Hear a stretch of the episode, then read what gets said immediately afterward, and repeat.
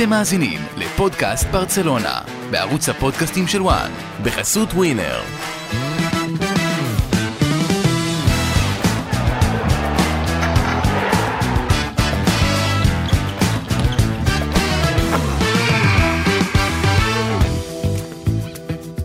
פודקאסט ברצלונה אחרי כיבוש העיר סביליה, הבוקר שאחרי ה-3-0 על סביליה בקאמפ נו, שהגיע בעקבות עוד ניצחון לא פחות חשוב בחוץ נגד בטיס בעיר סביליה. יש לנו הרבה על מה לדבר, אז ניגש הישר אל המלאכה, נגיד שלום לעמית לבנטל וגיל קנאל, אהלן חברים. אהלן, איזה כיף להיות פה. תענו כמו תמיד. אני אורי רייך, וברשותכם, אני אפתח עם הכותרת שלי, שהיא שעשועון. אוקיי? שם השעשועון הוא, האם האמנתם ש... תענו מהר ובכנות, זה גם חשוב. האם בחודש מאי, כשהסתיימה העונה שעברה עם חצי שני מצוין של ברצלונה צריך להגיד, כלומר תנאי הבסיס נראו טוב, האם האמנתם שברצלונה תסגור את הסיבוב הראשון של העונה הנוכחית עם קצב של 100 נקודות? אני אתחיל? תענה כן. לי בקצרה. כן, האמנת או לא האמנת? לא בקצב של 100 נקודות, אבל כן שהיא תוביל את הטבלה. יפה. האם האמנת שהיא תוביל את הטבלה בפער של 8 נקודות מריאל מדריד אחרי חצי עונה? לא מופתע. האם האמנתם שלברצלונה, ברצלונה של החורים ההגנתיים, של 38 ספיגות ב-38 משחקים בשנה שעברה, של מלטדאון הגנתי בכל מאני טיים אפשרי, תהיה לא רק ההגנה הכי טובה בספרד, ההגנה הכי חזקה בחמש הליגות הגדולות באירופה. אני לא. איך שההגנה של ברצלונה נראתה בשנה, בשנה שעברה, שידענו שזה עקב אכילס של הקבוצה לא הזאת. בשנה האחרונה, בשנים האחרונות. כמה שנים האחרונות, בדיוק, ידענו שזה עקב אכילס של הקבוצה הזאת, ואת זה צ'אבי לקח, והוא עשה פה באמת משהו מפלצתי, כאילו זה, זה, זה חולה, שבעה שערי חובה ב-20 משחקים, זה משהו ש... לא יודע. טוב מדי מכדי להיות אמיתי. זה נגיע ה- לכותרת זה שלך, הכותרת כן? שלי, לבנטל, וזה... האם האמנת כן. שבברצלונה, שלברצלונה, אני מזכיר לך, בחודש מאי ברצלונה במצב כלכלי לא ברור, וברור שלא מזהיר, שבחודש פברואר מלך השערים שלה יהיה החלוץ ההוא מביירן, רוברט לבנדובסקי. אה, אה, כן. כן, זה האמנת? כן. יפה, טוב, אני חושב שהנקודה היא ברורה, אני יכול להמשיך... להגיד על- רק לגבי, כן. רק לגבי לבנדובסקי, שאני אני חשבתי אישית שיהיה לו הרבה יותר קשה בליגה הספרדית. זה אני חושב בחודש מאי. אף אחד לא חשב שברצלונה בכלל יהיה לה את לבנדובסקי. עזוב רגע את ההשתלבות ונגיע כן. לזה. בחודש מאי מי בכלל חשב שהיא... אבל צ'אבי ידע, צ'אבי. ידע, צ'אבי דיבר איתו, ארגן אותו. תשמע, זה לא היה פשוט, בדיעבד התברר שגם אה, פריס סן ג'רמן ניסו להביא אותו, ומבפה הפעיל לחץ כי הוא רצה שיהיה לידו חלוץ אמיתי, ועוד קבוצות אה, רצו אותו, והכוח משיכה של ברסה עם השילוב הזה שזוכה הבלון דור באים מהליגה הספרדית, והרצון שלו להש- להשיג את ההכרה הזאת, וצריך להגיד, בליגה שאולי יותר נוחה מאשר הפרמייר ליג, מבחינה זאת שאתה יודע, יש לך את הגדולות בספרד עם מעמד משלהן. אה, כן, אז אני חשבתי שהוא יגיע, היה לו תחושת מיצוי, היה לו תחושת תסכול, בייחוד אחרי כדורי הזהב של מסי, ושהוא לא זכה ב-2020 שכל כך הגיע לו.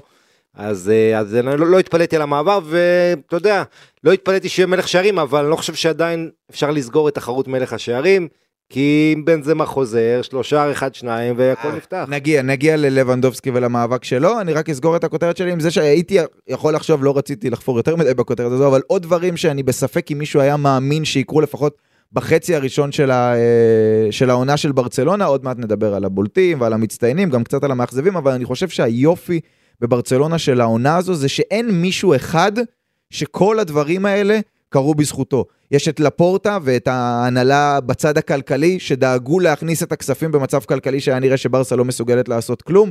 יש את אלמן ואת ג'ורדי עם קיץ מאוד מאוד מוצלח.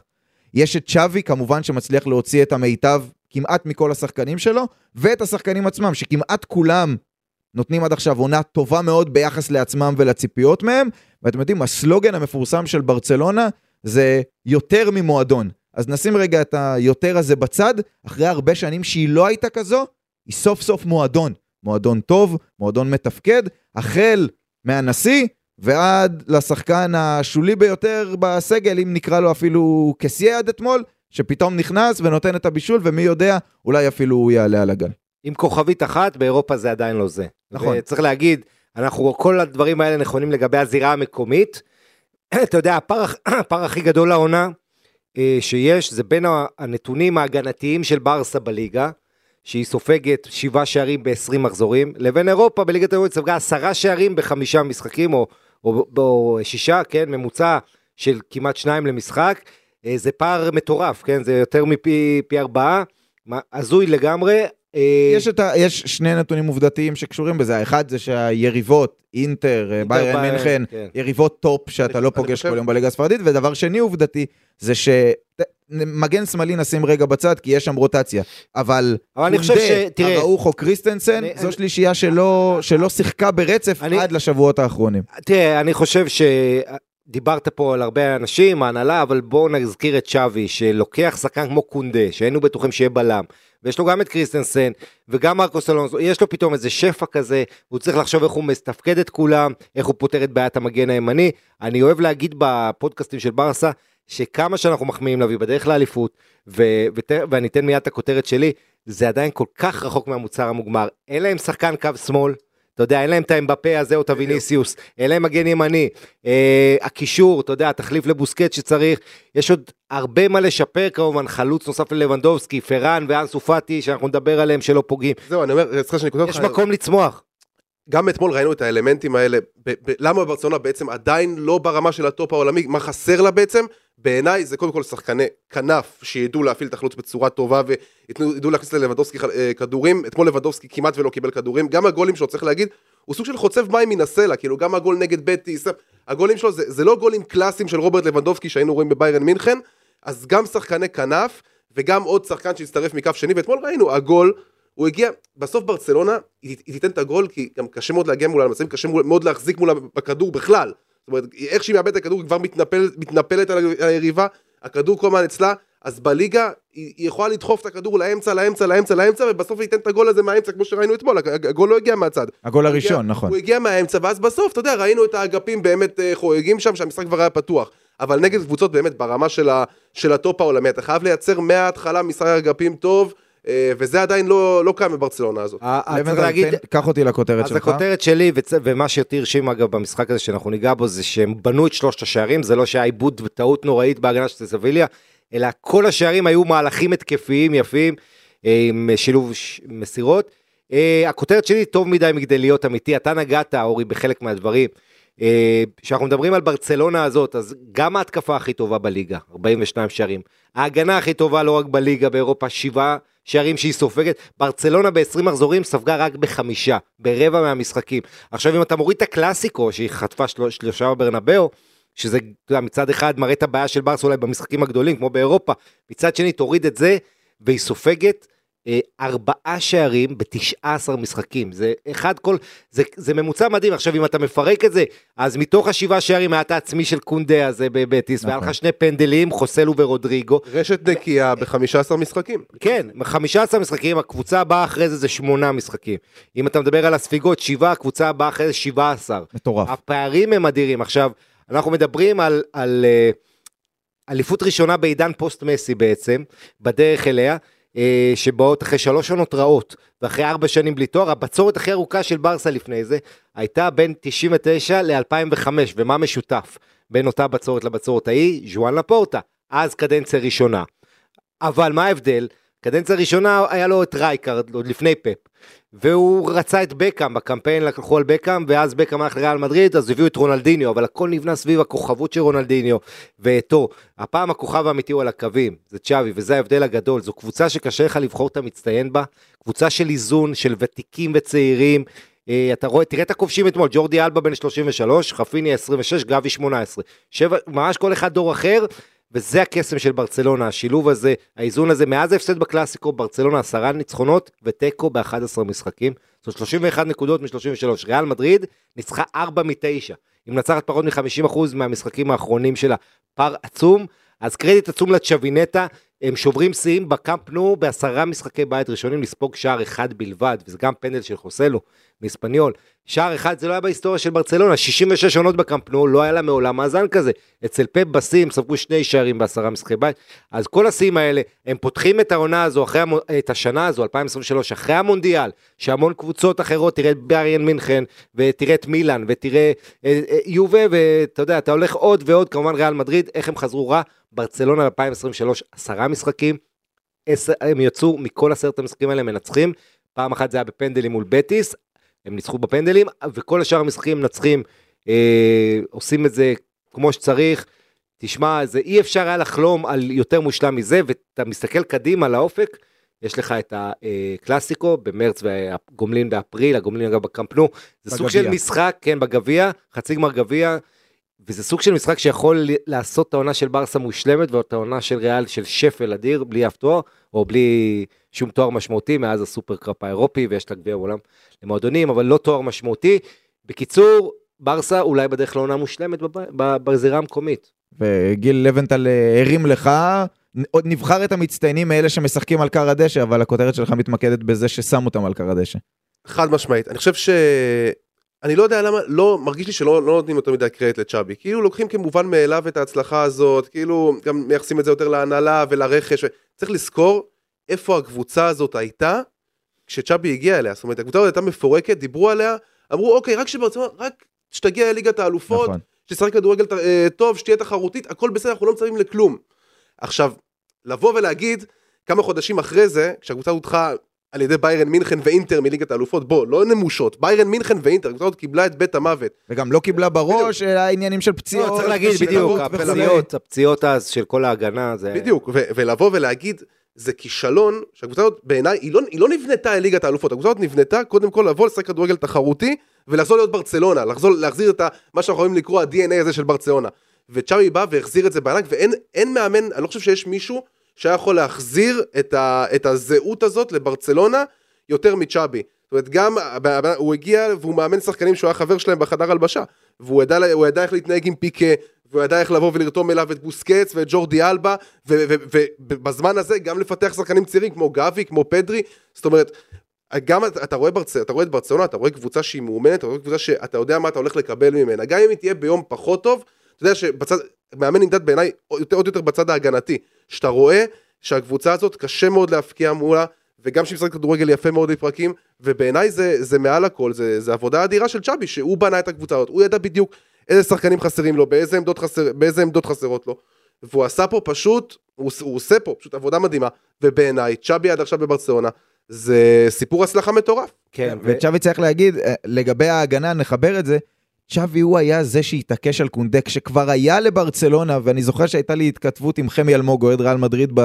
בטוויטר. אחלה חמי. שקונדה ככה היה בין צ'לסי לבין ברצלונה, וברצלונה התעקשה, הוא אמר לי, אין, ברצלונה לא תביא, לא תביא את קונדה, יש לה את קריסטנסן ואראוחו, בשביל מה היא צריכה? וצ'אבי התאבד עליו וישב לו על הראש, כדי שהוא עצמו יתעקש להגיע לברצלונה, ויכול להיות שזה מהלך שהוא, שהוא משנה תשמע, עונה, ואולי לא רק את העונה הזאת מבחינת לגמרי, ברצלונה. אתה יודע, אני כל הזמן חוזר ל... שברסה היו פה באותו קיץ, ואמרתי ללפורטה, רק תביא את קונדה, כל השאר זה שטויות. אז אני נותן לעצמי את הקרדיט שלא כן. מגיע לי. אני חושב שאני רוצה להעריך מה שגיל אמר, וזה מאוד נכון. קודם כל, צ'- כמה דבר, הערות לגבי צ'אבי. הצל של גוורדיולה מרחף על צ'אבי, כי הוא כאילו היורש, הוא כאילו ההמשך של קרויף ו- ופפ ואז צ'אבי, וזה, ואתה יודע, ת- תמיד אתה תהיה קורבן של אותה קבוצה שאי אפשר להגיע לגבהים שלה. אתה צריך לבנות משהו אחר. הגדולה שלו שהוא בונה ברסה אחרת, נכון. שאתה אפילו לא חושב להשוות, זה לא ניסיון לטיקי טקה לחכות, זה משהו אחר, זה רעיונות אחרים. כדורגל שהוא יותר ישיר. ו- ואם פפה המציא את התשע המזויף באותו קלאסיקו מפורסם בברנבאו עם מסי, שהוא בא אליו באמצע הלילה, קרא לו למלון ואמר לו, אתה תשחק כאילו חלוץ, אבל כל הזמן תברח ותפנה את השטח באמצע וייכנסו מה, מהצדדים. אז צ'אבי המציא את השחקן הכנף המזויף, את, אה, אם תרצה, את גבי, שהוא כאילו בכנף, אבל אין באמת כנף שמאל. אז יש לך את החידוש הזה, את האלתור, הד- תראה, הדבר הכי טוב, בגלל שצ'אבי הוא איש של ברצלונה, זה השקט התעשייתי.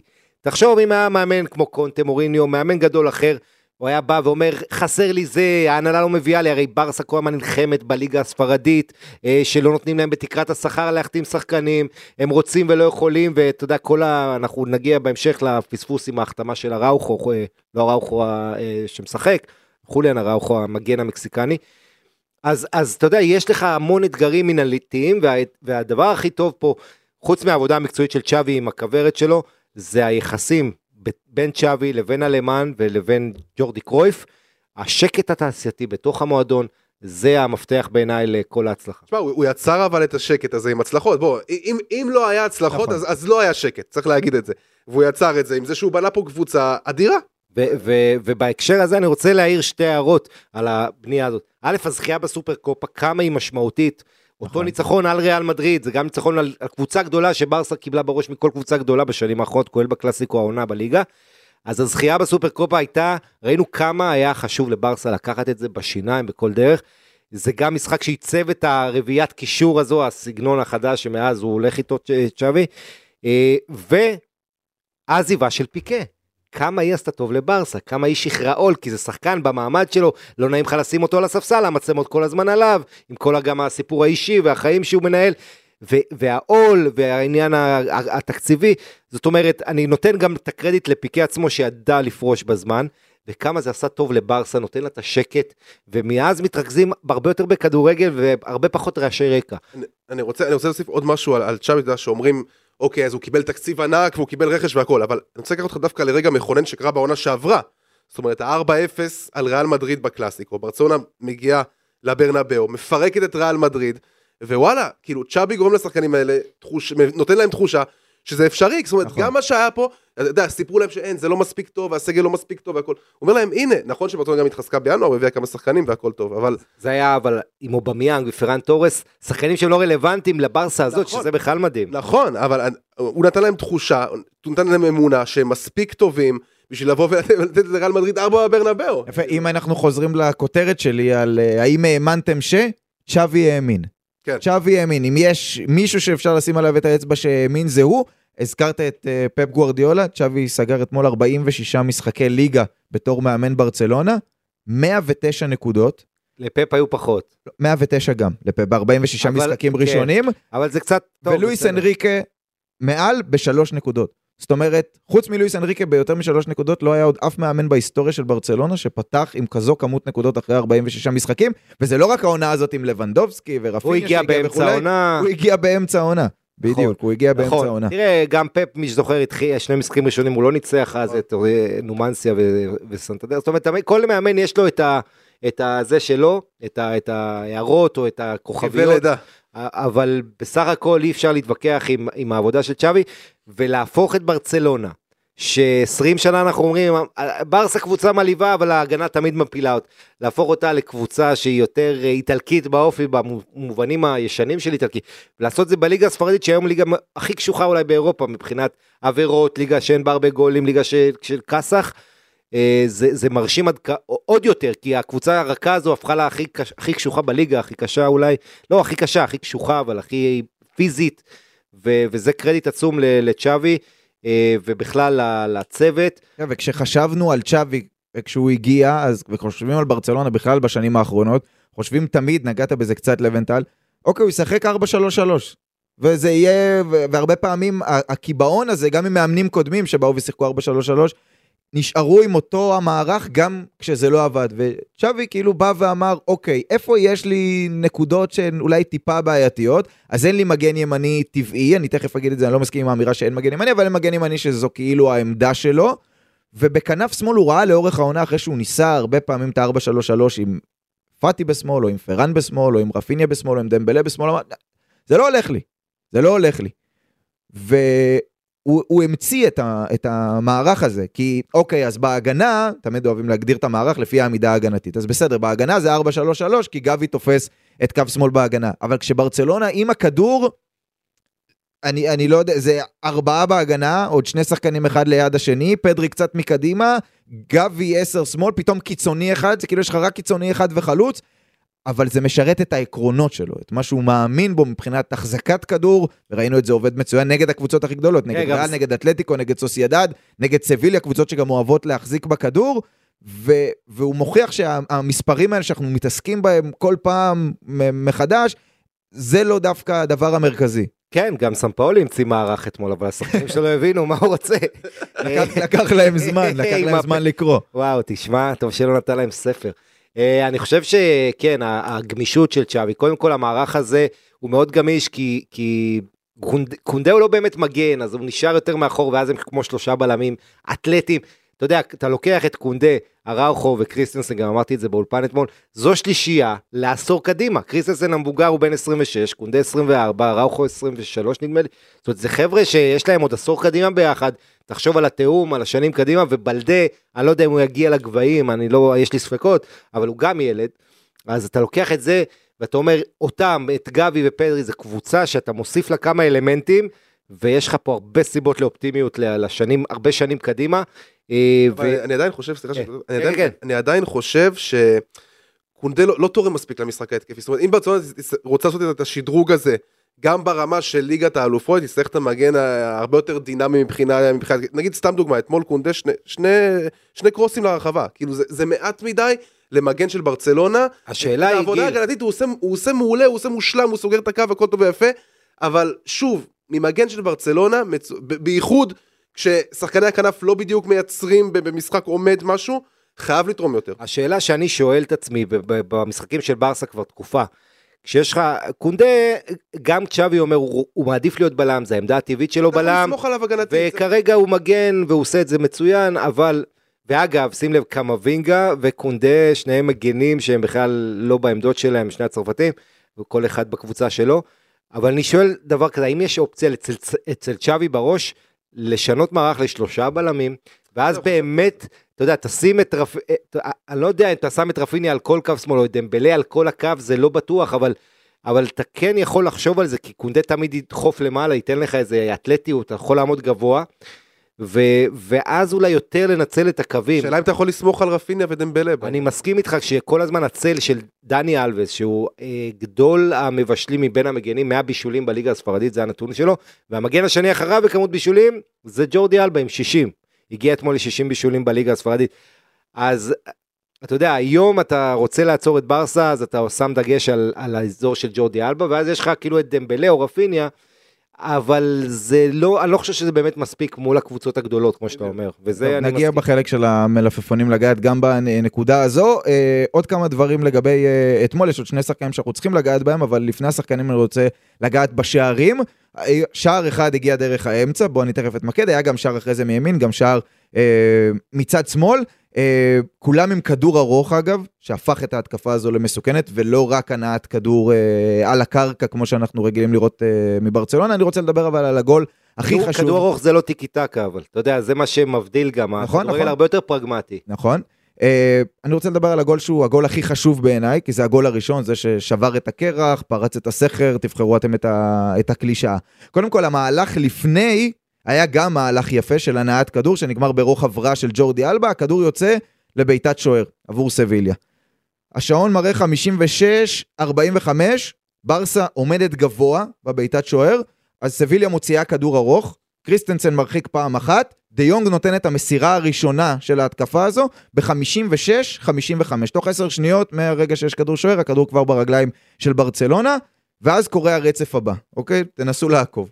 פרנקי מוריד את זה לגבי, משם לפדרי, לקריסטנסן שמשנה כיוון ימינה לקונדה. קונדה מעביר כדור ארוך לצד שני, לג'ורדי אלבה, חוזר לפדרי, משם לפרנקי, חזרה לפדרי, שמאלה לאלבה, חזרה לפדרי, משם לאראוחו, שוב לפדרי, לקריסטנסן, או. לאלבה, שוב לקריסטנסן, בכל הזמן הזה ההגנה של סביליה נדחקת לאחור עוד ועוד, היא התחילה מאוד גבוה אחרי בעיטת השוער הזו, לאט לאט היא נדחקת לאחור, רפיניה עושה תנועה חכמה, קריסטנסן הבלם מכניס לו את הכדור, משם לקסיה, הפס החכם הזה עם החיצון, לג'ורדי אלבה שמסיים. חוץ מטרשטגן ולבנדובסקי, כל שחקני ברסה נגעו לפחות פעם אחת בכדור הזה, מהלך של 52 שניות עם 18 מסירות, שבסופן מספר 18 ג'ורדי אלבה כובש, והסבלנות, כמו שאומרת הקלישאה, השתלמה פה לחלוטין. זהו, אני חושב שזה גול שמייצג את ברצלונה של העונה, שרוב המשחקים שלה בליגה הספרדית, זה, זה נראה כמו סוג של אימון, אימון של התק, התק, התקפה נגד הגנה.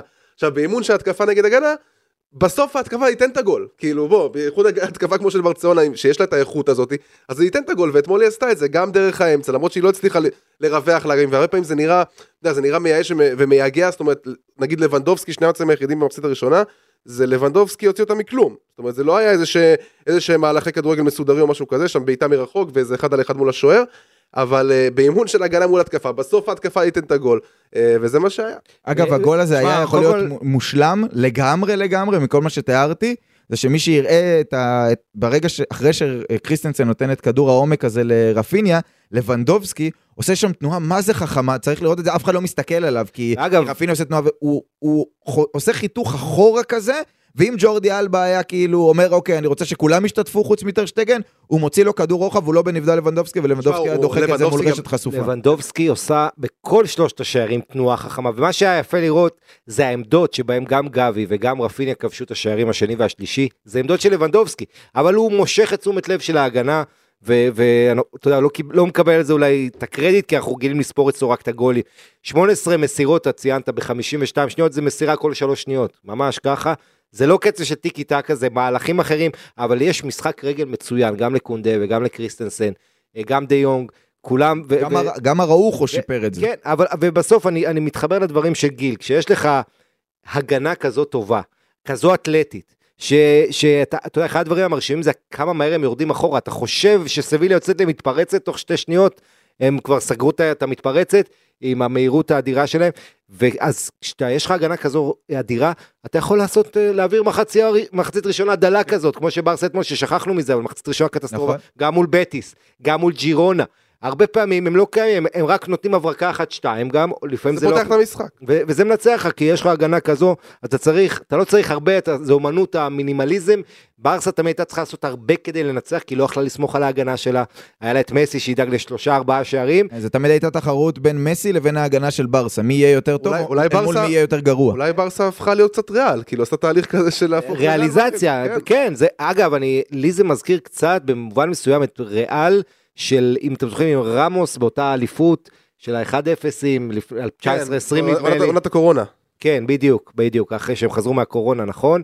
אה, אז זה מזכיר קצת את ריאל. עם לא, אבל ה- ריאל ההיא זה הרבה יותר קשה. נכון, הרבה נכון. וצריך להגיד, זה לא אותו דבר בדיוק, כי פה כן יש את הפוזיישן, ברסה מחזיקה 60% מהזמן בכדור בממוצע, והיא קבוצה אפילו אחרת. 65 אם אני לא טועה, אפילו בפער מריאל מדריד שהיא עם פחות נכון, מ-60 נכון, אפילו. נכון, נכון. טוב, בוא נדבר על סביליה עוד... שלישית, אגב, היריבה אתמול. נכון. אגב, בגלל זה צ'אבי המשיך, לדעתי, עם, עם אותו המערך. המערך הזה של רביעיית הקישור הוא בעיקר נגד קבוצות שמחפשות להחזיק את, ה... שמחפשות להחזיק את הכדור. אה, בוא ננסה אה, לדבר, בוא נסגור את הדיון על המשחק הזה עם שני שחקנים שצריך להתייחס אליהם. הראשון, אה, גיל, זה רפיניה, המצטיין של המשחק הזה, שמקבל את, ה... את הצ'אנס כי דמבלה נפצע, אחרת הוא לא היה כן. מקבל אותו, ולפחות מבחינת מספרים הוא עושה את העבודה. תשמע, אבל אני במחצית דיברתי, צחקנו על זה מקודם. אה, מה עם הציוץ שלך? אני ולבנדל, אתה צייצת משהו על רפיניה במחצית? מה זאת אומרת? כל מה שרפיניה עשה אתמול זה בגללי. זאת אומרת, אה, אני- אוקיי, אוקיי. צייצתי במחצית, כאילו גמרתי אותו במחצית, אמרתי, טוב, לא יכול להיות שהוא יעשה פה משהו. הבן אדם היה נראה... הוא כתב עליו useless. כתבתי כאילו יוזס, אני בתחילת העונה אמרתי, היה לי איזה vision כזה שרפיניה יזכה בכדור הזהב בברצלונה. אוקיי. היה לי איזה vision, אז אני אמרתי שזה, צייצתי שזה באמת ה take הכי גרוע, ש- ה take הכי גרוע שנתתי, כאילו, והיו לי takeים גרועים וזה ה take הכי גרוע, ומחצית הראשונה הוא היה נראה אבוד, זאת אומרת, במשחק עומד, אתה יודע, מול סביליה מסתגרת, גם הדריבלים שלו היו נראים לו, המגע שלו בכדור היה נראה לא חד, זאת אומרת, אמרתי, מא- מאיפה הוא מביא פה משהו, כאילו, ברצלונה לא מסוגלת לייצר כלום מצד ימין.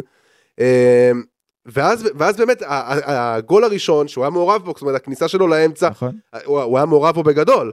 הפעולה הקטנה הזאת היא פעולה קטנה גדולה, הכניסה אותו למשחק, ו, ואז ראינו את מה, שראית מרפיניה גם בליץ. זאת אומרת שיש משחק משוגע, כאילו שמשחק איתה פתאום ש... כשסביליה עולה קדימה, הוא עשה שם תנועה מדהימה בגול השני, נכון. עשה תנועה מדהימה לעומק, אה, וגם, כאילו, גם התנועה וגם הבישול מדהים, אחרי זה גם כבש, אה, אז הוא סיים את המשחק הזה כמצטיין, אבל המחצית הראשונה שלו הייתה חושך, ואני עדיין, אני עדיין חושב שכמו שדיברתי על, אה, על קונדה בצד ימין, אני עדיין חושב שבשביל, אם ברצלונה רוצה לעשות את ה upgrade הזה אה, בשנה הבאה, גם לליגת האלופות, רפיניה זה לא מסוג השחקנים שיספיקו מול קבוצות ש... או. שמסתגרות במשחק עומד, שוב אמרנו, במשחק שהכל, אה, משחק משוגע כזה, הכל, הדברים יותר עובדים לו, יותר הולכים לו, במשחק עומד, זה עדיין לא זה, הוא מתקשה, הוא מתקשה לייצר יש מאין, זאת אומרת, גם אתמול, הוא לא ייצר מצבים במחצית הראשונה בכלל, התמונות שלו היו לא, לא מדויקות בכלל. אה, אם עדיין, כלכלית, אם כלכלית ברצלונה תצליח להשאיר את דמבלה ולא להיפטר מרפיניה, ואולי בצד השני נניח לוותר כן על איזה פרן למשל, ולהביא כנף שמאל, אז רפיניה, שיש לך אותו ברוטציה, אני מסכים, כרוטציה, כגיבוי, כשיש פציעות, לפעמים לעלות כמחליף, לפעמים לפתוח, זה עובד. אם, ש- אם רק הוא היה בא, זה אנחנו, חוכמה בדיעבד. כן. טוב. אבל דמבלה הרי היה רגל וחצי לכאורה מחוץ לברצלונה, אם זה היה רק רפיניה במקום דמבלה, הרבה מהדברים הטובים לא, שראינו בברצלונה התקפית לא היינו רואים. פתאום אתה מבין אבל גם כמה דמבלה משמעותי לברצלונה, נכון, שמה- נכון. מה שאנשים לא הבינו, זאת אומרת, זה, זה השחקן כנף פר אקסלנס היחיד שיש בסגל, כאילו. נכון. כן, גם צ'אבי אומר כל הזמן, אין לו אף שחקן עם אחד על אחד כמו שלו, הוא באמת ייחודי. אה, הטייק הגרוע בהיסטוריה של הנצח, זה מה שהוא צייץ, עכשיו אני אקריא לכם. רפיניה יזכה בכדור הזהב, ואז הוא אומר, תקשיבו, לאיש הזה אין מושג, לא ראיתי בחיים שלי כזה שחקן יוזלס, יוזלס, עדיף כבר להעלות שחקן מלמאסיה, יתרום יותר לברצלונה, ואז הוא כובש, מבשל, ש... כן. ומעורב בכל שלושת השערים. תראה, רפיניה, אה, אני, אני מתחבר דווקא לדברים של גיל, אני חושב, אה, אנחנו גם דיברנו על זה אתמול במהלך המשחק, אה, הוא קצת one trick pony כזה. זאת אומרת, הוא תמיד יחתוך לאמצע עם רגל שמאל, הוא הולך לשמאל שלו, תסגור. עכשיו, אתה זוכר מה עם ויניסוס עונה שעברה, ותראה איך סוגרים את ויניסוס העונה. זה שחקן אה, רפיניה שאתה לומד אותו, עונה הבאה יהיה לו הרבה יותר קשה. העונה הוא מקבל הרבה חסד, כי זה כאילו שנה ראשונה, אז אומרים עונת התאקלמות, תמיד יש את ההנחה הזאת לשחקנים חדשים. בראייה קדימה, אני עדיין לא משוכנע שהוא שחקן ל-level של ברצלונה, ואני אומר את זה מתוך ידיעה שב-15 משחקים האחרונים הוא נתן חמישה גולים ושבעה בישולים. שבחודש האחרון הוא השחקן הכי פורה בכל ספרד עם ארבעה גולים, ארבעה בישולים, מעורבות בשמונה שערים, אף שחקן אחר בספרד לא מעורב ביותר משישה, אז הוא כן בכושר טוב, הוא כן עושה פעולות מכריעות, אבל יש לו מישורים, יש לו גבעות ועמקים במשחק שלו, יש לו רגעים שאתה אומר מה הוא עושה, הוא עושה שטויות, הוא... ואז בגלל ההגנה של ברצלונה הוא עושה איזה הברקה שתיים ואתה אומר וואו אדיר, זה עדיין אבל לא עקבי, זה לא יציב, זה לא רונלדיניו, שהוא כמובן, אתה יודע, עם הקשר שלו, אה, אה, הוא, אתה יודע, יש לו את הטכניקה, יש לו את רגל שמאל, אבל זה, זה לא יציב, זה לא עקבי, אני זוכר נגד ג'ירונה לפני שבוע, היה במשחק קטסטרופה. אה, אז הרבה פעמים הוא, הוא רע, אבל לזכותו ייאמר שהוא כן לוחם, והוא כן מנסה, והוא כן משתדל. שני משחקים אחרונים, שני שערים חשובים, גם מול בטיס, גם מול סביליה, ובישול, והשער אולי הכי חשוב שלו, העונה, השער מול אוססונה, דקה 90, שלפני פגרת המונדיאל, ששם את ברסה במקום הראשון לפגרת המונדיאל, אז ניתן לו קרדיט גם על זה. לא, ו- הוא, הוא, כן, כן. הוא כן תורם, אבל, אבל אני אומר שוב, אם אתה מסתכל עתידית ואתה רוצה להשתדרג, אז זה לא שם. שם אחרון מה... הוא שם- לא, הוא לא יציב מספיק, ותשמע, זה שער ראשון בקמפנו אתמול, כל השערים שלו היו בחוץ עד עכשיו, החמישה הראשונים, אז מזל טוב, ו- אולי... ויש לו עכשיו את הזמן הזה עד שדמבלה יחזור כדי גם לצבור את הביטחון. שם אחרון מה, מהמשחק אתמול, אפרופו אה, הזדמנות אה, כתוצאה מפציעה, בוסקץ לפי ההבחנה, ש... בין שבועיים לשלושה בחוץ. אה, גיל פרנקסיה נכנס אתמול. אה, האם עכשיו יש לו אולי זמן קצר יותר ממה שיש לרפיניה ביחס לפציעה של אה, דמבלה, אבל זה הזמן שלו. אני חושב שזה חבל מאוד, כאילו, ש, שפרנק קסי עדיין לא הצליח, לא הצליח להשתלב בברצלונה, כי באיזשהו מקום זה השחקן ש... זה אחד השחקנים שהיא הכי צריכה, השחקן הזה שידע לבוא ולתת את, ה, את ההצטרפות מקו שני, הוא עשה את זה מדהים במילאן שנה שעברה, זאת אומרת, הבן אדם סיים עם 13 שערים מעמדה של קשר 50-50, כאילו בליגה האיטלקית.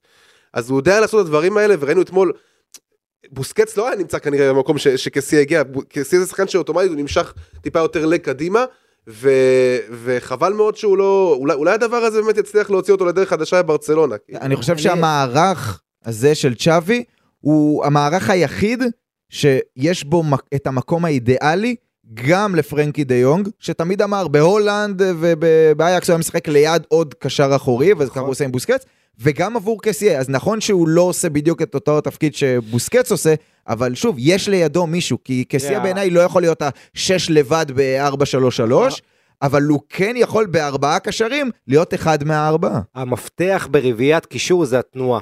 כי ההצטרפות, כי על- הם צריכים כל הזמן לפנות את השטחים ביניהם, לא יכולים לשחק על אותה בלטה, אז תמיד יש לך שחקנים מהקישור, פעם זה דה יונג, פעם זה גבי, וגם קסיה, שעושים את התנועות לעומק, שמושכים גם שחקנים איתם, מפנים שטחים, ופה קסיה מצטיין, קסיה זה שחקן שתמיד אוהב לבוא, להגיע בתנועה לאזורים המסוכנים, לתרום התקפית. הוא שחקן שהוא לא ב-DNA של ברסה, הוא יותר קשוח כזה, שחקנים כאלה בדרך כלל לא התאקלמו בברסה אה, ולא הצליחו, אבל הוא הגיע בחינם, זאת אומרת, במקרה הכי גרוע אתה מוכר אותו לפרמייר ליג ב-20-30 מיליון, אתה עושה עליו כסף. אה, אני עדיין חושב עכשיו, כמו שאמרת אורי, זה התקופה, זה השבועות של קסיה, להוכיח שכן יש לו עתיד בברסה, שכן יש לו איזה מימד אחר לתרום כשבוסקץ איננו, שכולם מדברים מי נביא, זובי מנדי, רובן נבס, אז אולי הפתרון נמצא פה, כנראה שלא, אבל יש לו את ההזדמנות, והבישול שלו אתמול, זה לא סתם בישול. הטאץ' הזה, זה, זה, זה, זה מזכיר לאוהדי ברסה את לאודרופ ואת איניאסטה, הטאץ' הזה, ההקפצה הזאת לעבר ג'ורדי אלבה, זה גם בישול למי שהיה הקפטן של ברסה, אלבה קבע שבישל עם סרט הקפטן אתמול בגלל שבוסקץ נפצע, אז, אז אולי זה יכניס אותו לעניינים, אני חושב שהכל עכשיו עובד לברסה, הכל מתחבר לה, כולם טובים, כולם בולטים, ואתה יודע, עד כדי כך, שטרשטגן שהיה מציל ומושיע בתחילת העונה המון משחקים, הצלות שלו שהיו, הביאו נקודות, משחקים אחרונים אתה כבר לא צריך אפילו את ההצלות שלו. יפה, אז זה מוביל אותנו אה, לסיכום הסיבוב הזה, כי לא היה לנו פודקאסט בין מחזור 19 ל-20, אז עכשיו אחרי 20 אה, נסכם. תנו לי את זה ככה בקצרה, אה, לוונטל כבר התחלת, אז, אז תמשיך, מי המצטיין? אני אלך על אה, מרק אנדרי טרשטגן. הסיבה שאני אלך על טרשטגן זה שקשה לי לבחור את אראוחו. קשה לי לבחור שחקן הגנה אחד, אוקיי, בברצלונה. אראוחו היה פצוע. אראוחו היה. פצוע, הוא שיחק חצי מהמשחקים בליגה, גם עשרה. קונדה היה קצת פצוע, אה, גם אה, קריסטנסן לא התחיל. חלקו. בעצם. נכון. היחיד שהיה שם כל הזמן זה המצטיין שלך. נכון, עכשיו תשמע, אה, טרשטגן מעונת 2014-2015 הוא בברסה, עכשיו העונה הראשונה שלו קלאודיו בראבו היה שוער, וזה פעם אחרונה שוער של ברסה היה, זכה בסמורה כשוער שסופג הכי מעט, אה, כן ביחסי, באופן יחסי. אה, טרשטגן העונה הזו בדרך לעונה היסטורית שלו לשוער ברסה זה מספרים שאתלטיקו עם אובלק יכולה לדמיין, אה, 15 משחקים בלי ספיגה מתוך 20 מחזורים, ש- שבעה- שבע ספיגות, אה, ועוד ועוד ועוד, 88% הצלות. עכשיו צריך לחזור לתחילת העונה, המשחק מול ראיו עם ההצלה שלו, מחזור ראשון. לך תדע אם ראיו כובשת מנצחת בקמפנו, אנחנו מדברים עכשיו אחרת. אה, עוד משחקים גדולים שהוא היה שם מול סוסיידד ואחרים ברגע האמת, הוא הציל את ברסה, הוא שם, הוא מנהיג את ההגנה, ובסוף תראה, שוער הוא פונקציה גם של ההגנה שלו, אנחנו רואים את זה עם אובלק, שהיה לו את ההגנה האדירה לפניו, עם, אה, כן, עם חימנז וגודין במיטבם ואחרים.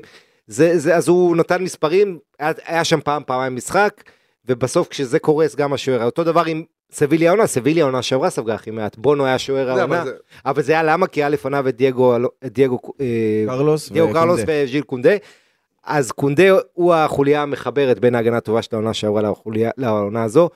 וטרשטגן, אה, תשמע, אני גם, אה, הוא נותן שקט מאחור, עם הניסיון, הוא מהוותיקים, יש לו משחק הרגל שלו, כמובן. המשחק הרגל, פשוט ה- קצת שוכחים, בגלל שבמחזורים האחרונים, עם הקריסטנסן, קונדה, הראוכו, עם השלישייה הזו, שכמעט לא מגיעים למצבים, אז קצת שוכחים כמה הוא הציל את ברצלונה, ו- בעיקר ו- בחלק וגם- הראשון של וגם העונה. שוער נמדד, וגם כן. שוער נמדד ברגעים האלה, אתה יודע, לא, לא, רק, לא, רק ש, לא רק שוערים שבועטים להם בלי הפסקה ועודפים והכל, הם ככה, אני- שוער נמדד, כשמגיעים אליו למצב שניים במשחק והוא יודע להציל אותם. כשהוא קר, והוא מציל הוא את קר, המצב. בדיוק, הוא קר, וגם, אתה יודע, זה, דיברת על ההגנה, זה ביצה ותרנגולת, בסוף, גם ההגנה הרבה יותר רגועה שטרשטגן מאחוריה.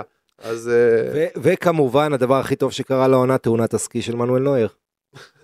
שאולי... אה, אה, סדר לו מקום. יכול להיות, יש כאלה שיגידו. שהדבר הכי טוב שקרה לו זה ההשתלה שהוא עשה, שעד עכשיו מרשימה מאוד, לא פחות מהיכולת שלו. כן, השיער חשב- שלו נראה. מדהים. אבל תשמע, תדבר איתו, אורי. אמור להיות כן, שוער. נבחרת גרמניה אולי ביורו הביתי ב-2024, אחרי עידן נויר. אז טרשטגן מגיע לו, אתה יודע, הוא בן כן. 30 כבר, והגיע הזמן, והרבה בגרמניה חושבים ככה, עונה כזו רק מחזק את המניות שלו. גיל, המצטיין שלך? מי השוער הכי טוב בעולם עכשיו? קורטואה אנחנו עדיין הולכים עם קורטואה? זהו, שנה שעברה זה היה קורטואה, שנה אין איזה... לונין. איזה- במונדיאל זה היה צ'זני או או, אה, זה. קשה, קשה, אה? דיבו מרטינז. לא, לא, לא. מצטיין. אה, טוב, המצטיין שלי הוא פדרי. אה, נכון שהמספרים שלו, הוא עדיין צריך לשפר אותם קצת, אבל הוא, הוא משפר אותם, זאת אומרת, הוא כבש חמישה שערים, בשתי העונות האחרונות כבש שלושה ושלושה, אה, אבל מעבר לשערים, פדרי זה מסוג השחקנים שמחזירים את הניצוץ לקמפנו, מחזירים את הניצוץ לברצלונה, הפעולות הקטנות שלו, הדברים שהוא עושה אה, על המגרש, הטכניקה שלו, זה פשוט דברים שאתה תופס את הראש ואתה אומר כאילו, אתה שם אותו גם, אתה יכול לשים אותו גם בעמדה שהיא יותר התקפית, גם בעמדה שהיא יותר הגנתית, הוא גם מראה מנהיגות, זאת אומרת צ'אבי הפך אותו אה, גם למנהיג, אה, ופדרי מעונה לעונה, ממשחק למשחק, אבל נהיה המנהיג של ברצלונה, וזה פשוט תענוג לראות אותו, ואין לי ספק שהוא עוד ישתפר בהמשך ויביא עוד מספרים יותר טובים גם. יש שני נתונים מפתיעים לגביו. האחד זה שיש לו אפס בישולים העונה, למרות שיש לו כמעט 30 מסירות מפתח, נכון. כלומר הוא ייצר כמעט 30 מצבים לחברים שלו, אז קשה להאשים אותו בזה שיש לו אפס בישולים. והנתון השני, שהוא תוצאה של העונה הזו, אבל כשאנחנו מסתכלים על כל הקריירה, לפדרי יש יותר שערים בקריירה, בכל המסגרות, כן. מלפדה ולוורדה. תנו לזה לשקוע, מה שנקרא. פדה זה ולוורדה. נתון שהוא שלח לי לפודקאסט הקודם ולא השתמשתי בו. אה, אז, אז לא מחזרנו, אז, אז, לא אני, מחזרנו. אז אני מאוד שמח שאתה שמרנו, שמרת את זה לעצמך, וזה נכון, אבל... לא, אני אוהב, אני אוהב את אבל אתה צריך להגיד שעד העונה ולוורדה לא היה סקורר, כאילו, נכון. זה, גם פדרי לא. כן, אבל פדרי שישה גולים אה, בכל המסגרות, אמרת חמישה זה בליגה, שישה, עונה שעברה חמישה, עונה לפני זה ארבעה, זאת אומרת יש פה מגמת שיפור, והוא מוביל את כל הליגות הגדולות באירופה בבישולי ניאסטה, המסירה לבישול. בול. וזה הוא עושה עם שבע פעמים, מסי אחריו עם שש. אה, ואתה יודע, הוא יוצר, יש בו את, ה, את הגן הברצלונאי הזה, ועכשיו כשגבי משחק מספר 6 והוא עם 8 פדרי, אז באמת כמו צ'אבי ואיניאסטה. אגב, צ'אבי אמר שאלה הרבה יותר מוכשרים ממה שהוא היה, הוא ואיניאסטה היו בגיל הזה. כמובן שהוא יגיד את זה. אה, נכון, אבל זה הגדולה גם של צ'אבי, הוא יודע להחמיא ולפרגן לכל השחקנים אצלו, ליצור אוויר, אווירה טובה. טוב, המצטיין שלי הוא אה, אה, בלית, מרגיש קצת בלית ברירה, כי נתתי לכם לבחור, ואף אחד לא בחר אותו, ואי אפשר שלא לבחור את רוברט, רוברט לבנדובסקי בעיניי. אה, שוחקו העונה 20 משחקים במסגרת הליגה, הוא שיחק 1,337 דקות, שאם אנחנו מחלקים את זה ל-90 דקות, אז הוא שיחק קצת פחות מ-15 משחקים מלאים, בעיקר בגלל כמובן ההרחקה שהייתה לו. אז ב-15 משחקים מלאים יש לו 14 שערים, זה מקום ראשון בספרד, זה רביעי בכל הליגות הגדולות באירופה, כשאף אחד מהשערים שלו לא בפנדל, יש לו 14 שערי שדה. מתוך עשרת הכובשים הבכירים בטופ 5 ליגות באירופה, הוא עם הכי הרבה בישולים. ארבעה בישולים, יש רק את לקזט לדעתי שיש לו גם ארבעה, ונמצא שם uh, בטופ 10. יש לו בממוצע מסירת מפתח גם למשחק, כלומר הוא מייצר מצב הבקעה לחבר שלו כל משחק. והשורה התחתונה, ובסוף כשהביאו את לבנדובסקי, נכון שהוא מביא את המנהיגות, ונכון שהוא מתחבר נהדר עם הצעירים, ונכון שהוא נכנס מהר מאוד לתלם ולעניינים וכולי, ונכון שגם הביאו אותו כי לא היה כוכב, בסוף לא היה כוכב. והוא הכוכב, גם אם הוא כוכב פולני ולא כוכב נוצץ או ברזילאי או, או עם איזה כריזמה יוצאת דופן, אבל מאוד מקצוען, בסוף הביאו אותו בשביל המספרים. ורוברט לבנדובסקי, העונה בליגה, מעורב ישירות בשער, שער או בישול כל 74 דקות. אני לא חושב שאפשר לבקש יותר מזה. אפס מניירות של כוכב, עבודה בלי הפסקה, אני ראיתי אותו השנה מקרוב, במשחק דווקא נגד אינטר, שהוא כבש צמד שלא הספיק אז לעלייה. אתה רואה כמה הוא רץ, כמה הוא מבקש את הכדור כל הזמן, זה בעיניי סוג של לבנדובסקי משודרג, מה שאנחנו רואים השנה בברצלונה, זאת אומרת, הוא לא נדרש לעשות את הדברים שהוא עושה בביירן, כאילו בביירן הוא לא נדרש לעשות את הדברים שהוא עושה בברצלונה, הוא זז בלי הפסקה, הוא לא מפסיק לדרוש את הכדור, הוא עובד, הוא גם עושה הגנה, הוא לוחץ, אה, וכמובן המספרים שלו תמיד שם, והוא מקבל הרבה פחות כדורים. גם דיברנו על זה כבר, הרבה פחות כדורים מהאגף, אה, אבל הוא מצליח גם לייצר לעצמו את המצבים, דברים שהוא, בביירן הוא לא צריך לעשות את זה, כן, ייצרו בשבילו ועבדו בשבילו והכל. פה לא, לא תמיד עושים את זה, והוא מצליח לחצוב מים מן הסלע, ולבדובסקי, גם, גם כשהוא לא כובש, אתה רואה כמה הוא מפרגן לשחקנים, וכמה הוא, כמה הוא מחובר לקבוצה, וכיף כיף לראות את זה, בגיל שלו. כן, וכן, בייחוד החיבור עם גבי ופדרי, אני חושב שכמה דברים על לבנדובסקי, אחד אני זוכר את המשחק מול ראיו, והוא אמר ככה זה בספרד, עם ההגנות האלה, וזה צחורה 0-0, הוא היה מאוד מתוסכל, חשש לעתיד.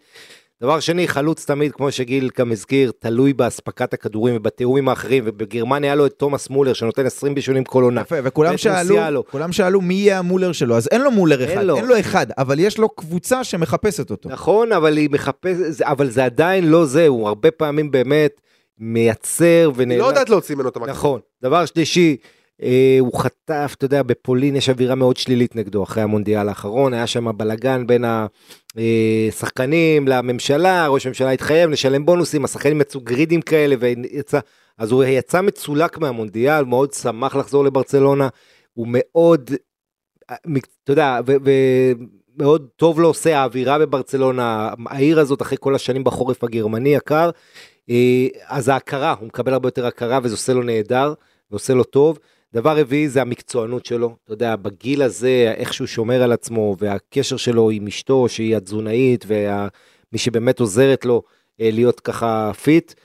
וזה זה מעורר השראה, זה גורם לצעירים גם להיות אה, במיטבם, ואני רק רוצה להזכיר לכם שזה הפולני הראשון בהיסטוריה של ברצלונה, שזה יפה. מעניין, גם מעורר השראה וגם מרגיש לך, נותן לך להרגיש בסדר אם אתה אוכל את הקינוח לפני הארוחה, כי זה מה שלבנדובסקי נכון, עושה. והוא נותן את המספרים שבסוף בלי זה אתה לא יכול להגיע לשם, וזה היה חסר לברסה מאז שמסי עזב.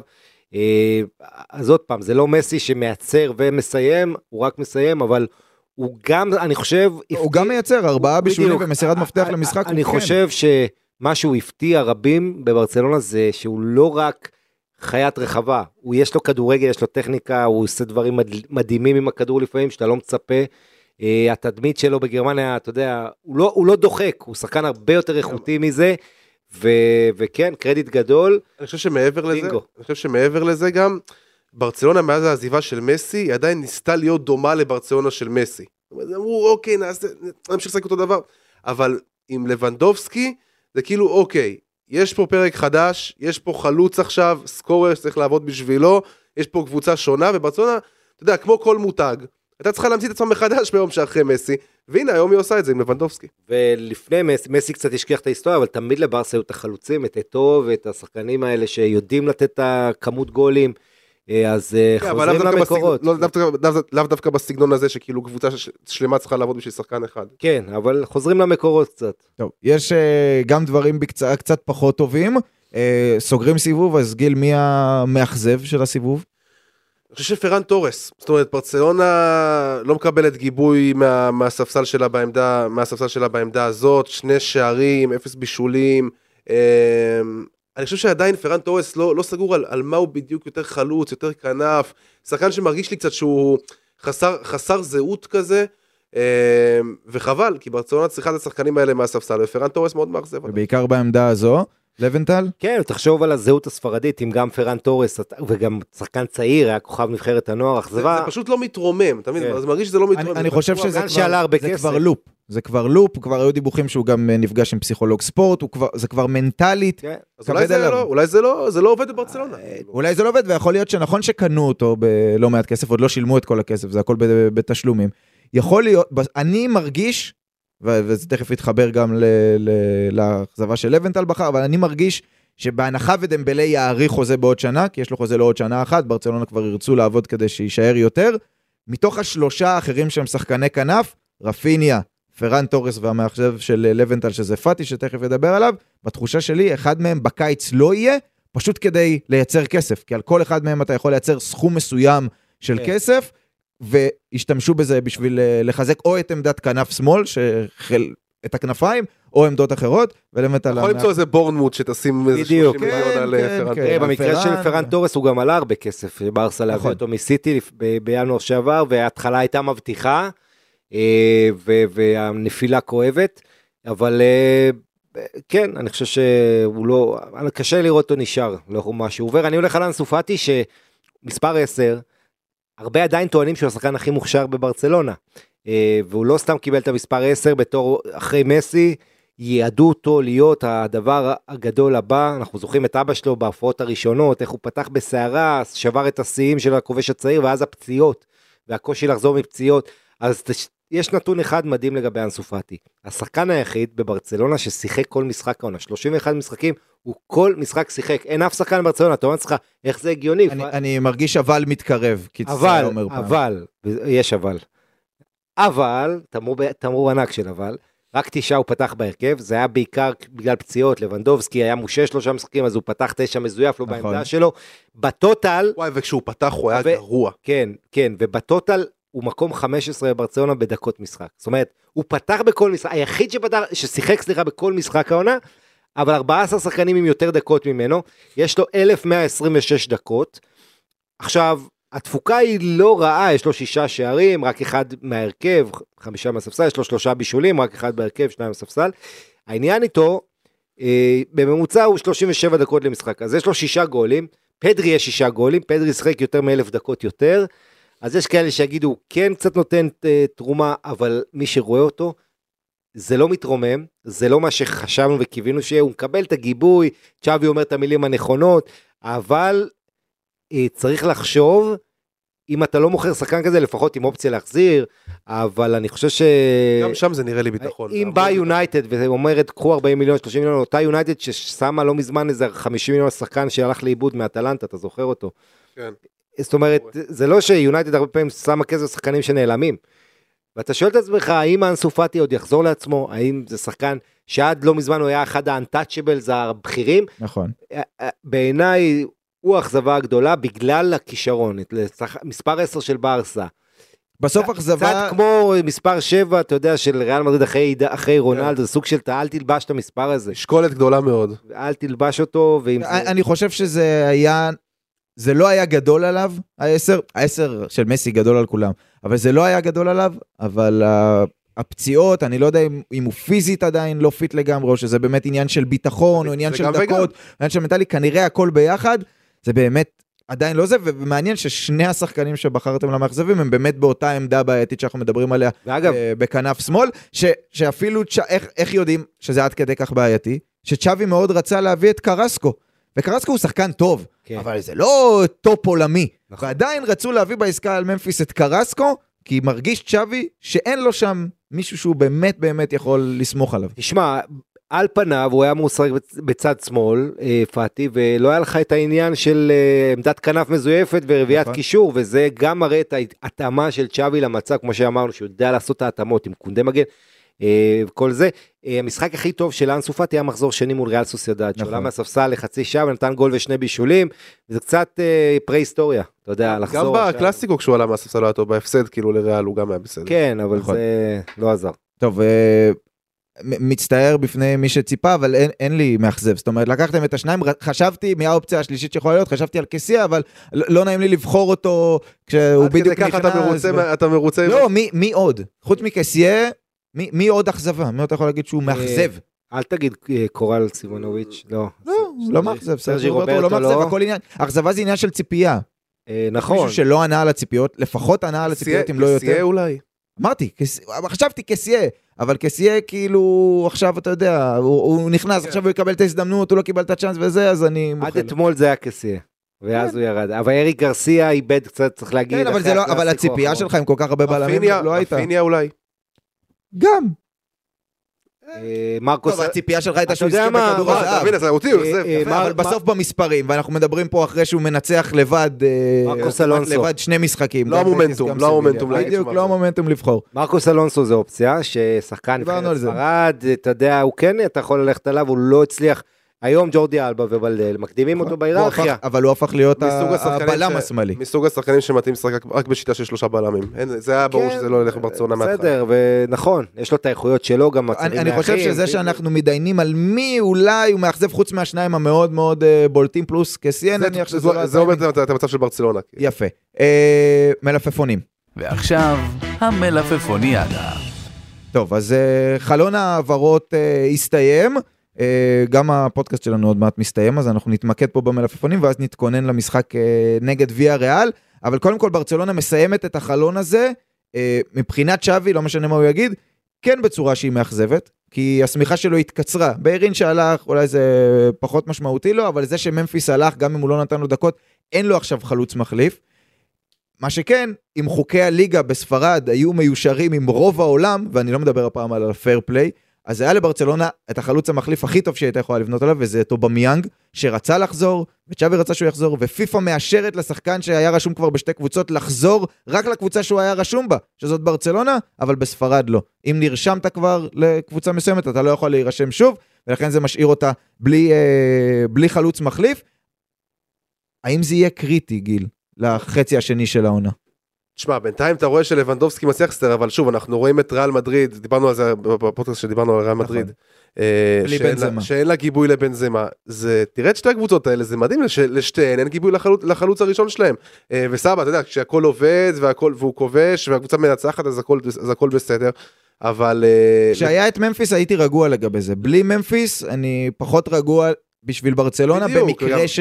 שתהיה איזושהי פציעה. זה שוב, לא- התמודדו יפה עם ההשעיה, יפה, הם ניצחו את השלושה אני משחקים אגיד לכם- 1-0, אבל... גם זה לא שברצלונה יש לה יותר מדי שחקנים שיביאו את המספרים האלה, אתה יודע, מהכנפיים, נכון. ודמבלה, אתה יודע, אם הוא היה משחק באופן רציף, אז אולי, אבל אתה יודע, פציעה פה ופציעה שם, ורפיניה זה עדיין לא, לא נותן לך את התפוקה הזאת באופן, אה, באופן עקבי ויציב.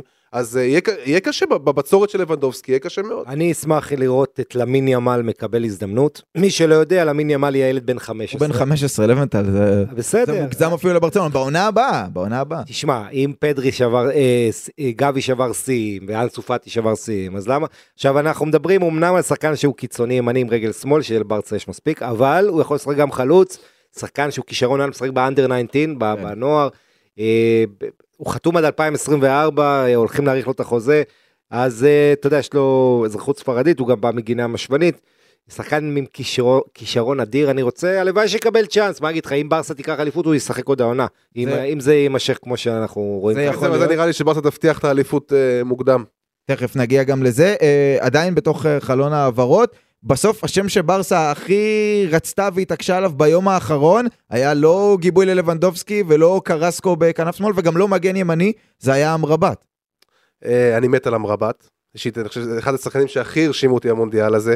לוחם אדיר, אה, באמת שחקן שהוא גם, יש לו, יש לו כדורגל, אבל חבר'ה, זה, זה לא מספיק טוב לברצלונה, זאת אומרת, בואו, לא? בואו, זהו, בואו, איזה buildup עשית, בואו, איזה בואו buildup. לא, בואו לא כאילו, אתה יודע, לא, לא מספיק טוב בואו לא לברצלונה. נסתנוור, בואו לא נסתנוור יותר מדי מהמונדיאל, שבאמת הכל התחבר והכל הלך, ואנחנו כבר מכירים, רגע, אני אשאל אותך רגע משהו אחר, נראה אם יש לך את זה בשלוף. נניח שאין בוסקץ, אוקיי? גם בוסקץ יהיו כאלה שיגידו שהוא לא מתאים כבר לרמה של ברצלונה, אבל נניח שעזב בוסקץ, אוקיי? מי, מי בעולם? מי בעולם? ברוזוביץ'? ברוזוביץ' בעיניי זה השחקן להביא לברצלונה, כן? גם אותו כן, הם כן, רצו כן. בתחילת החלון, ב trade על אה, קסיה, שזה הוא לדעתי לא- משהו שעדיין יכול לקרות. רודרי. רודרי. כן, רודרי, אבל רודרי לא יצא מסיטי. לא, אה, לא אבל ברוזוביץ'. אני יכול. לעדכן אותך, אני לא יודע אם אתה יודע, בזמן שאנחנו נו. מקליטים פה את הפודקאסט, יצא רעידת אדמה באנגליה על מנצ'סטר סיטי. אה, הפרה שאנחנו לא ניכנס לזה פה, אבל בלגן, חקירה, גם מעלה, להם מורידים נקודות? יכול להיות שיורידו להם בלגן גדול. אז אתה אומר אולי רודרי. אולי אופציית רודי ישרוב על השולחן. בדיוק, לך תדע. אה, טוב, שם אחרון מחלון העברות אה, לבנטל, מי אתה רוצה? אה, אני אגיד לך מי. כן. אה, חוליאן אראוחו, רצו אה, להביא אותו. לא, מגן כי ימני. יש גם את החלוץ, ויטור רוקה. נשמור אותו, נשמור אותו אוקיי, לאחד אוקיי. הפודקאסטים הבאים. בסדר, כי הוא בינתיים הוא עושה, הוא מככב, הוא מלך השערים בקופה אמריקה עד גיל נכון. 20, ויכול להיות שיפגוש את נבחרת ישראל, אם הם, אתה Mm. יודע, אמור לפגוש את נבחרת ישראל. במונדיאליטו? במונדיאליטו, כן. באינדונזיה. אמ, אבל חוליאן אראוחו זה מגן ימני, שלא הגיע לברסה בגלל 18 דקות, 18 דקות, שניות. שניות, שניות. אני קראתי שניות. נכון, נכון, עיכוב שניות. של שניות. 18 שניות. אז איחרו את ההרשמה שלו 18 שניות, תוסיף את מה שגיל דיבר עם אה, הפלופ עם אמרבת, ואתה אומר, אם זו הייתה הנהלה הקודמת, עם כל מה שהיא, הנזקים שהיא עשתה, ובלי הקרדיט, מה היו עושים אז לברטומיאו וכאלה.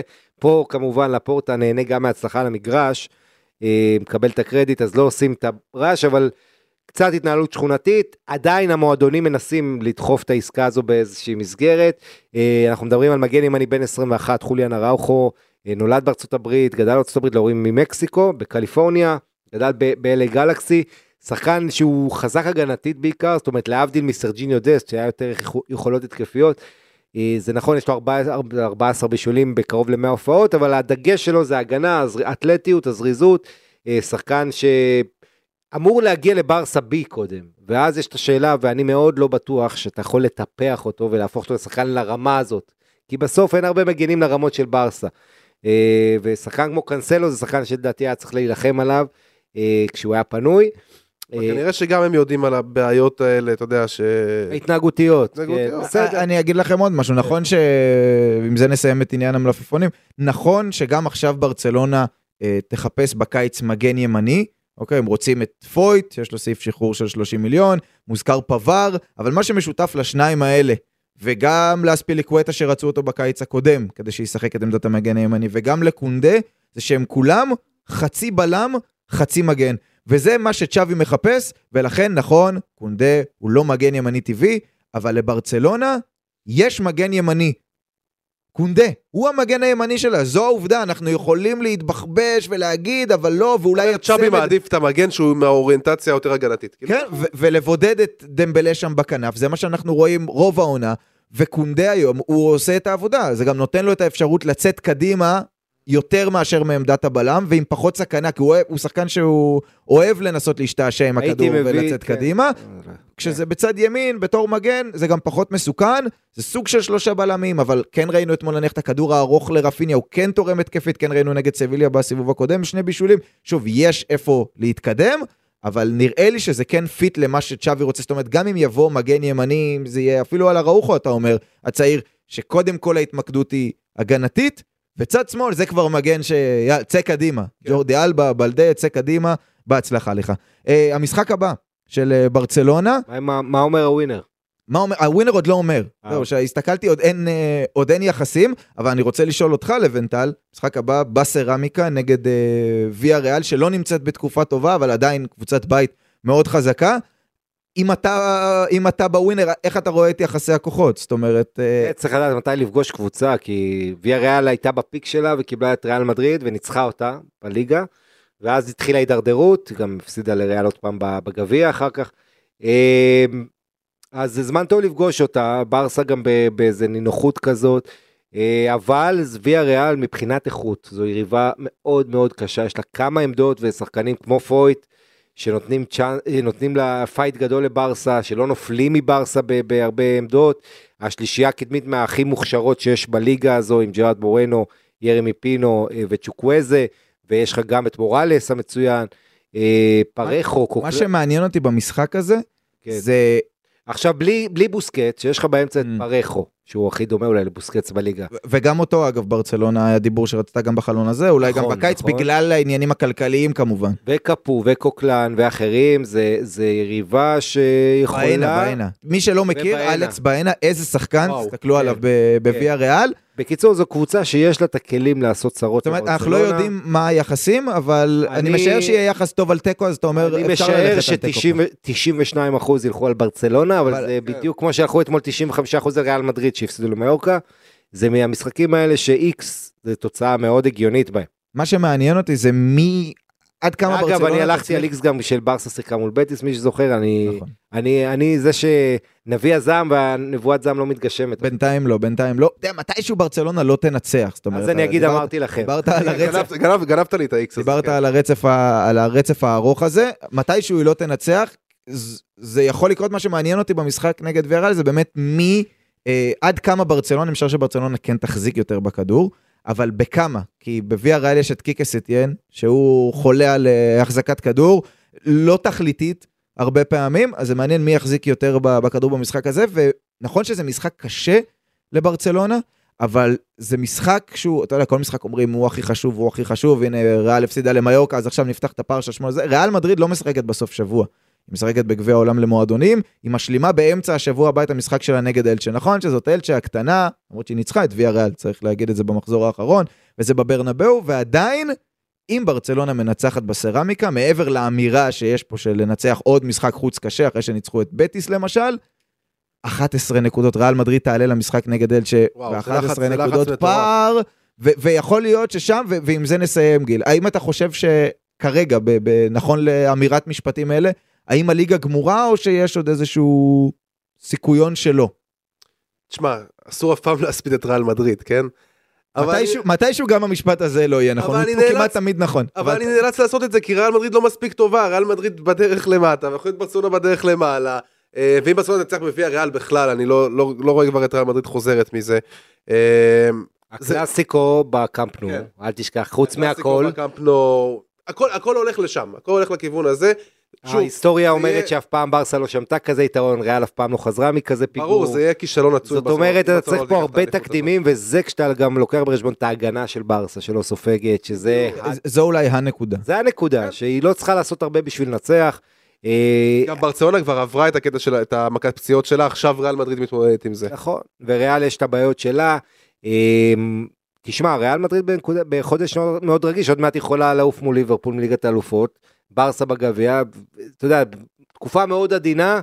אה, ברסה, אם היא לא תיקח אליפות עכשיו, זה יהיה טראומה. בוא נראה גם איך. המשחק נגד יונייטד ישפיע, זה הולך להיות נכון, מבחן. נכון. זה הולך, זה הולך להיות אחד המשחקים הכי מרתקים של השנה בעיניי ב- בכדורגל העולמי. אבל בכלל. בסוף הרעב זה מנצח, וברסה קבוצה הרבה יותר רעבה מריאל מדריד, אתה רואה את זה על גבי, אתה רואה את זה על לבנדובסקי, אתה רואה את זה על קונדה ואחרים. יפה, אז uh, ברצלונה, המשחק הבא שלה בחוץ נגד ויה ריאל, אחריו אנחנו נהיה כאן עם uh, פודקאסט ברצלונה, גם כדי להתכונן למחזור הבא, אבל לא פחות חשוב להתכונן למשחק הראשון נגד מנצ'סטר יונייטד, אפרופו הליגה האירופית, עוד אתגר גדול שניצב בפני ברצלונה בהמשך העונה הזו. גיל קנל, עמית לבנטל, תודה רבה לשניכם, תודה אורי רייך. תודה, היה כיף. תודה שהאזנתם, נשתמע בפודקאסט הבא.